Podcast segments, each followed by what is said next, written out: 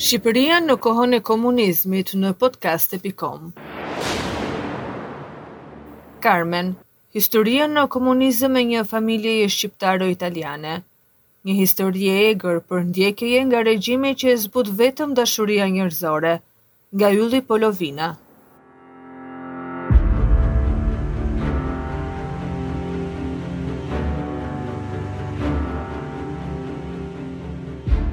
Ky shkrim është publikuar fillimisht në gazetën Shqip.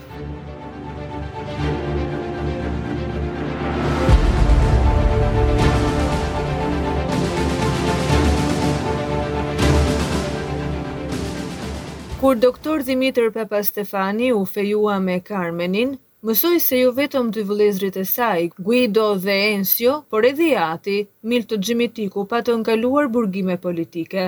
Ndërsa dy të parët tashmë ishin të lirë, personi i cili do të kishte qenë vjerri i tij nuk jetonte më. Pati vdekur në spitalin e burgut. Kur u kërkua trupi, vetë drejtori, i cili dëshironte të mos ishte i ashpër, u tha se kjo gjë nuk ishte e mundur. Ishte rregull zyrtar. Shtoi se për të vdekurin gjithsesi do të kishte një varr, por se ku ndodhej, nuk duhej ta dinin. Madje nuk duhej as ta kërkonin. Kur Karmeni dhe Roza i treguan këtë histori, Dhimitër Papastefani nuk pyeti më për hollësi të tjera. Atij duhej të ruante dhe të shpëtonte dashurinë e tij si dhe familjen e ardhme. Ato nuk ia treguan ditët e para të fejesës zyrtare as foton e Milto Xhimitikut.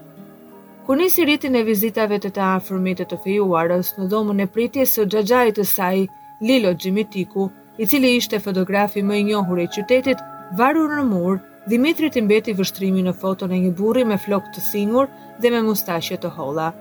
Për të kjo ishte një pamje mjaft e njohur. Atë njeri mund ta kishte parë e prekur mbi tridhjetë herë. Ishte një nga kufomat që përdornin në fakultet. E pati fiksuar në kujtesë që në vitin një mijë e nëntëqind e pesëdhjetë e nëntë, kur sapo kishte nisur studimet për mjekësi.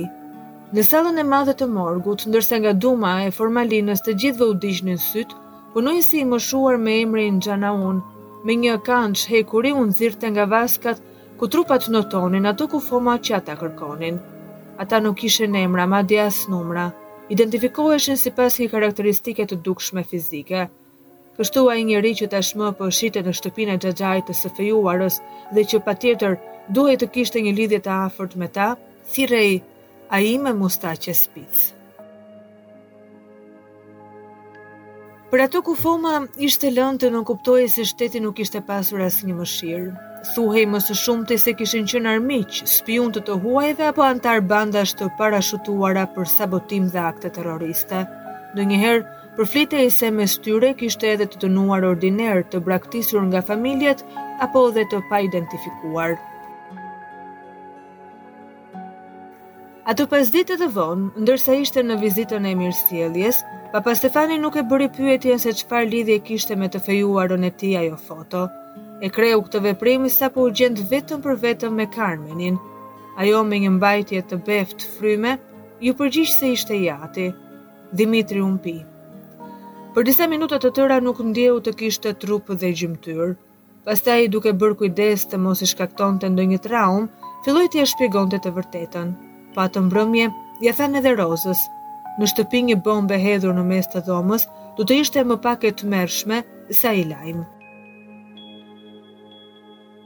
Milto Xhimitikun e patën arrestuar nëpër natë, bashkë me të dy djemtë e tij. Ishte prilli i vitit një mijë e nëntëqind e pesëdhjetë. Ishin duke pritur festimet e Pashkëve, madje familjarisht patën bërë edhe një foto të gëzueshme. Ato çaste Roza ndodhej në spital, turni i tretë. Pranguesve që erdhën nga errësira, Milto iu lut nëse mund të fliste me të shoqen. Ajo duhej të vinte patjetër të merrte vajzën gjashtëvjeçe, ndryshe vogëlushja do të mbetej fillikat. Ardhësit e paftuar nuk kundërshtuan. Roza mbërriti si të kishte pasur krahë shqiponje, pastaj shtëpia menjëherë u boshatis.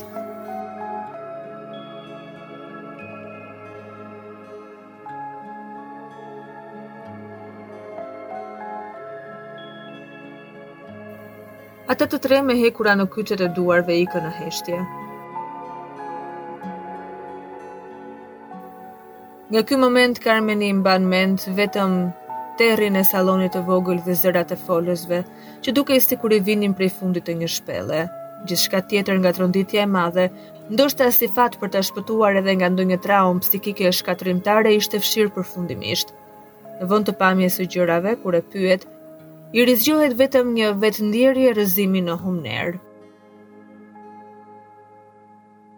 I dënuan në shtator, nga dhjetë vite djemtë, njëzet Miltos, dyfish të atit, sepse nuk ke ardhur ti të denoncosh.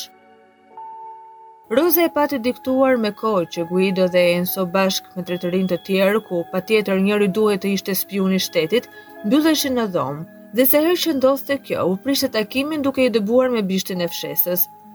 Por në rast se dy djemtë e saj mund të kishin prekur diku në muzin e regjimit, I shoqi nuk ishte përzier fare.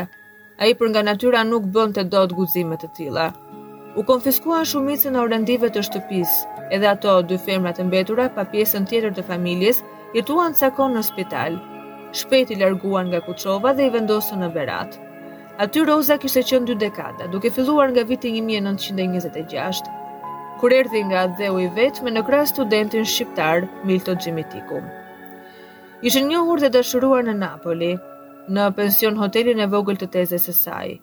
Atë vit ishte punësuar si mami e bashkisë, ndërsa i shoqi nisi punën e përkthyesit pranë atasheut ushtarak italian Gustavo Cambara, kolonel. Kur ky në vitin 1932 u largua, e rekomandoi Milton te shoqëria naftënxjerrëse, AIPA në Kuçovë. Këtu nisi profesionin e llogaritar arkëtarit, madje pothuaj të një shefi zyre. Roza i shkoi nga pas bashkë me fëmijët, vetë punoi si mamie. Pa mbaruar lufta, Guido dhe Enzo shkuan në Itali dhe kryen shkollën. Tashmë që po kapërcente viti 1950 dhe familjen e përgjysmuar e mbartën në Berat, autoritetet lokale për t'i strehuar i sollën të ndëshkuarit drejt e në katoin e një shtëpie private. Deri pak kohë më parë, ajo hapësirë përdhese ishte përdorur për të mbajtur një lopë. Sapo njerëzit e pushtetit ikën, i zoti i shtëpisë i mori lart te tri dhomat e familjes së tij dhe u tha se mund të zgjidhnin njërën prej tyre. Në katua nuk mund të jetonin kurrë, kështu edhe ndodhi. Italiania Roza, duhej tanimë të priste daljen nga burgu të të shoqit dhe të dy djemve. Vitet po iknin dhe ajo ishte optimiste se një ditë do t'i kishte pranë vetes. Milton për ta gëzuar si bashkëshort edhe dy çunat për t'i martuar. Ndërkohë ndonjëherë edhe me Carmenin e vogël për dore i shkonte të shoqit në burg. Ca kohë mori rrugën edhe për në kampin e punës në Zadrimë të Shkodrës. Kur Milto, i sëmurë rëndë prej një të ftohti dhe me diabet mjaft agresiv, u shtrua në Spitalin e Burgut të Tiranës, ajo i solli ushqime për sa mundi ekonomikisht dhe për sa e lejuan. Luftoi me gjithë forcën e shpirtit t'ia përmirësonte shëndetin, por në 1958 ai vdiq.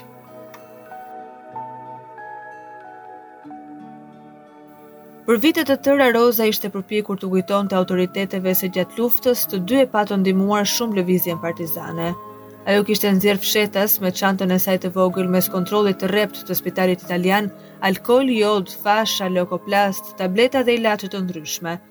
Ishte përpjekur po ashtu të sillte ndërmend, se po ashtu edhe i shoqi për partizanët pati bërë atë që në rrethana të tjera kurrë nuk do ta sillte as ndërmend, vjedhjen. Milto Xhimitiku, financier me korrektesë shembullore për çdo qindarkë të kompanisë Ajpa, kishte marrë ilegalisht dhe nisur për në mal një makinë daktilografimi, e kishte nxjerrë nga zyra e tij. Italianët e diktuan dhe menjëherë e burgosën. Ai nuk e pranoi akuzën. Pas dy javësh në birucë, ngaqë nuk ia provuan dot, e liruan. E rikthyen në punë, por tashmë në një shkallë më të ulët, si pagator i thjeshtë. Karmeni do të ishte më me shumë fat se dy vëllezërit. Ajo dhunë politike në të vërtetë nuk e harroi, por gjithsesi ndonjëherë e kurseu. Plot hire në të sjellë, femër e matur, e mençur dhe e kujdesshme me të tjerët, shumë e ëmbël dhe komunikuese, shpirtgjerë dhe e përkushtuar pas punës, mbi të egërsia e ideologjisë së kohës nuk përmbahej. Lëshime i bënte edhe fisi i të atit. Dy vëllezërit e saj qenë me dy emra, një italian dhe tjetri shqiptar. Ky ishte një mirëkuptim që kur çifti erdhi nga Italia. Enzo quhej dhe Leonidha. Guido thirrej edhe Anton. Karmenit e ëma i kishte vënë emrin e dytë Marie, por çuditërisht ai nuk u përdor kurrë as nga prindërit dhe as prej fisit Xhimitiku. Në jetën e saj nga shitëse e përkohshme me zëvendësim në një ndërmarrje ushqimore u bë për disa vite e përhershme, më pas e trajtuan mirë si inventarizuese. Kur ngrinte shkumë dallga e re e luftës së klasave për ta mbrojtur, dëshmitarët e së ëmës, mamisë që pati qenë e çmuar në lindjen e mijëra fëmijëve, e zhvendosnin për vetëm disa muaj si punëtore. Pastaj e rikthenin në pozicionin e paragoditjes, të paktën shitëse. Gjithçka ndryshoi në vitin 1985, kur pas vdekjes së Enver Hoxhës, shenja zbutjeje në të vërtetë kishte. E hoqën si shitëse dhe e dërguan punëtore paketimi në periferi të qytetit. Duhej nga një thes i madh të merrte sheqer apo oriz e miell dhe t'i fuste në qeska letre njëkilëshe. Norma ishte 1021 në 8 orë. Në javët e para mezi bënte gjysmën e tyre dhe pak nga pak diçka më tepër. Shoqet e asaj, punë të mundimshme, më të forta dhe më të stërvitura, e ndihmonin përditë. Guido, armiku dhe shpëtimtari. Ishte moti i vitit 1952 dhe nxjerrja e naftës në Kuçovë, e cila prej një viti njihej me emrin e ri Qyteti Stalin, u ndërpre. Ishte djegur motori i tecit. Në Vlorë, cisternat e ardhura nga kampi socialist prisnin varg. Pajisja ishte italiane dhe pas dy javësh përpjekjeje pa rezultat nga specialistët çekë dhe rusë, u kuptua se shpresa e vetme ishte ndonjë i mësuar nga inxhinieri i mëparshëm, Marinelli. Ky specialist ishte i njohur për drejtuesit e naftënxjerrjes, Guido Xhimitiku. Autoritetet komuniste të vitit një mijë e nëntëqind e dyzet e tetë, Kur Marinelli kërkoi të riatdhesohej, i patën vënë kusht të përgatiste dhe të linte një zëvendës. Mes të rinve që punonin në tec, ai zgjodhi të birin e bashkëkombëses Roza. Pafundësisht ajo iu lut të mos i vinte të birit nëntëmbëdhjetëvjeçar një barrë të rëndë, por tjetri nuk u tërhoq prej vendimit të tij. Guido ishte mjaft i talentuar, kështu një ditë ai mori nën përgjegjësinë e tij teknike makinerinë e ndërlikuar.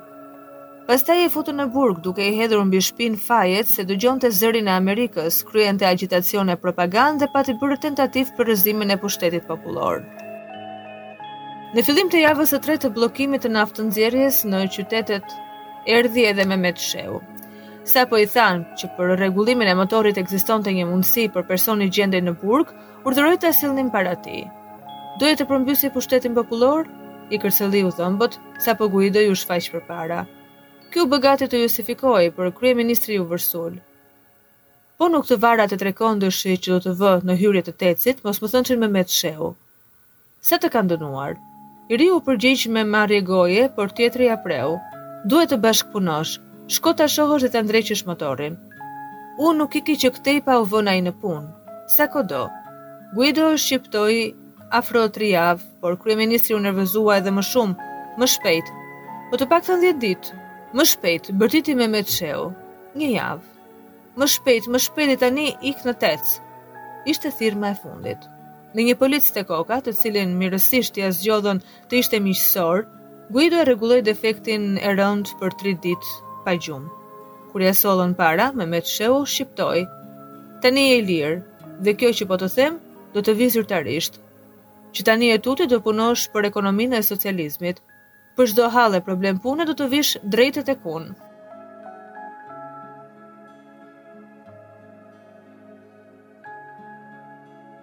Urdhri i lirimit mbërriti shumë shpejt edhe pas kësaj Guidon e mobilizuan ushtar. Më pas punoi në parkun e automjeteve të Urës Vajgurore dhe prej këtej në Ministrinë e Industrisë dhe të Minierave. Derisa doli në pension, kreu shumë shpikje. Ndonjë si G84 e bërë e famshme në shtypin e kohës. Ishte një pajisje helmete, minatori, me dritë në krye. Gjer atëherë, ato i blinin në Poloni. Guido edhe u dekorua. Dy dënimet e Encos. Enco pas burgut punoi në minierën e Bulqizës. Edhe ai ishte teknik i përsosur, novator dhe shpikës po ashtu. u bë i adhuruari i drejtorit të njohur të asaj kohe, Teodor Bozo. Kur ky iku në një detyrë tjetër dhe menjëherë nga paaftësia e drejtuesit të ri, realizimi i planit filloi të çalonte e më vonë të shndërrohej në problem në të gjithë shtetin, atë e arrestuan. Ishte pesëdhjetë e dy vjeç. Ishte një janar i vitit një mijë e nëntëqind e tetëdhjetë e pesë. Ata të cilët qenë përgjegjës për këtë gjendje, rrënimit të minierës që nxirrte valutë për arkën e zbrazur të buxhetit, mes tyre edhe një ministër anëtar i byrosë politike për të shpëtuar nga ndonjë ndëshkim, përdorën armën e vjetër të partisë, shpikën sabotatorin, armikun. Ky nuk mund të ishte veç Encos, teknik i puseve, i burgosur një herë për politikë me të atin po ashtu. Njerëz të sigurimit të shtetit bënë fshehurazi me dinamit një shpërthim në një nga puset nëntokësore dhe faji i gabimit teknik iu hodh viktimës së paracaktuar. Meqë kjo ishte fare pak dhe i arrestuari nuk e pranoi, iu hartua akuza se ishte agjent i italianëve, i rusëve, i jugosllavëve. ndërkaq që Enco rezistoi për të mos pranuar atë që jo vetëm nuk e pati kryer, por as edhe shkuar ndër mend. Hetimi zgjati plot nëntëmbëdhjetë muaj. Pothuajse çdo ditë, një njeri i maskuar hynte në dhomë ku merrej në pyetje dhe e rrihte egërsisht. E futën të gjallë në një arkivol, gjatë të ftohtit të dimrit të Peshkopisë, ku e mbanin të izoluar e lanë vetëm me një këmishë fanelle në trup. Iu verbua njëri sy. Zemra iu dobësua. dhe përherë e më shpesh filloi të binte në aritmi. U katandis një i gjallë i pavarrosur. Më tej nuk duroi më dhe vendosi të vetëvritej. Provoi disa herë, nuk mundi. Ia kishin hequr çdo mjet për ta bërë. Atëherë firmosi çfarë deshën ata. U dënua me njëzet e dy vite burg në Spaç fillimisht, ku njëherë iu desh t'i hapte vend pranë vetes për të fjetur djalit të Mehmet Shehut, më pas e çuan në Sarandë. Këtu qyteza me burgun quhej Përparimi. Emrin e paradiktaturës, të vërtetin e kishte Shën Vasili. U lirua në vitin 1991, ndër të fundit. Nuk e takoi dot të ëmën. Roza pati ndërruar jetë në njëzet e një shkurt. Ajo prej pak kohësh kishte ardhur në Laprakë të Tiranës, ku për të persekutuarit nga regjimi komunist patën dhënë disa banesa të thjeshta. Encios i pushoi zemra ditën që bëri vizitën tek krushku i ardhshëm, ku po fejonte djalin. Ishte 30 shtatori i vitit 1991. E kishte zgjedhur nga Bulqiza, qytetit që i kishte përkushtuar gjithë jetën. u varros në periferi të kryeqytetit, në vendin e quajtur Sharr. Në Sharrë varri i prindërve të tyre ka fotot e të dyve. Roza, kur i vjen Karmeni dhe Guido, si dhe nipërit e mbesat, nga çdo pozicion që ata u afrohen të rri pranë, duket sikur të ndjek me sy, kurse Milto i urtë vazhdon të buzëqeshë përherë, sikur diçka të gëzueshme do t'u thotë, por nën mermer, Vazhdojnë të jenë vetëm një palë eshtra.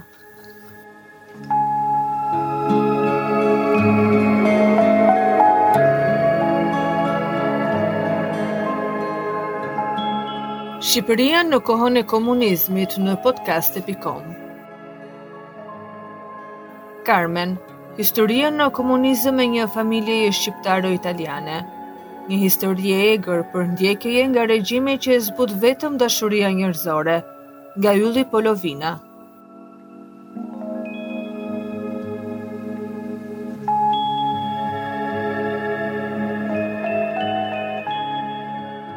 Ky shkrim është publikuar fillimisht në gazetën Shqip.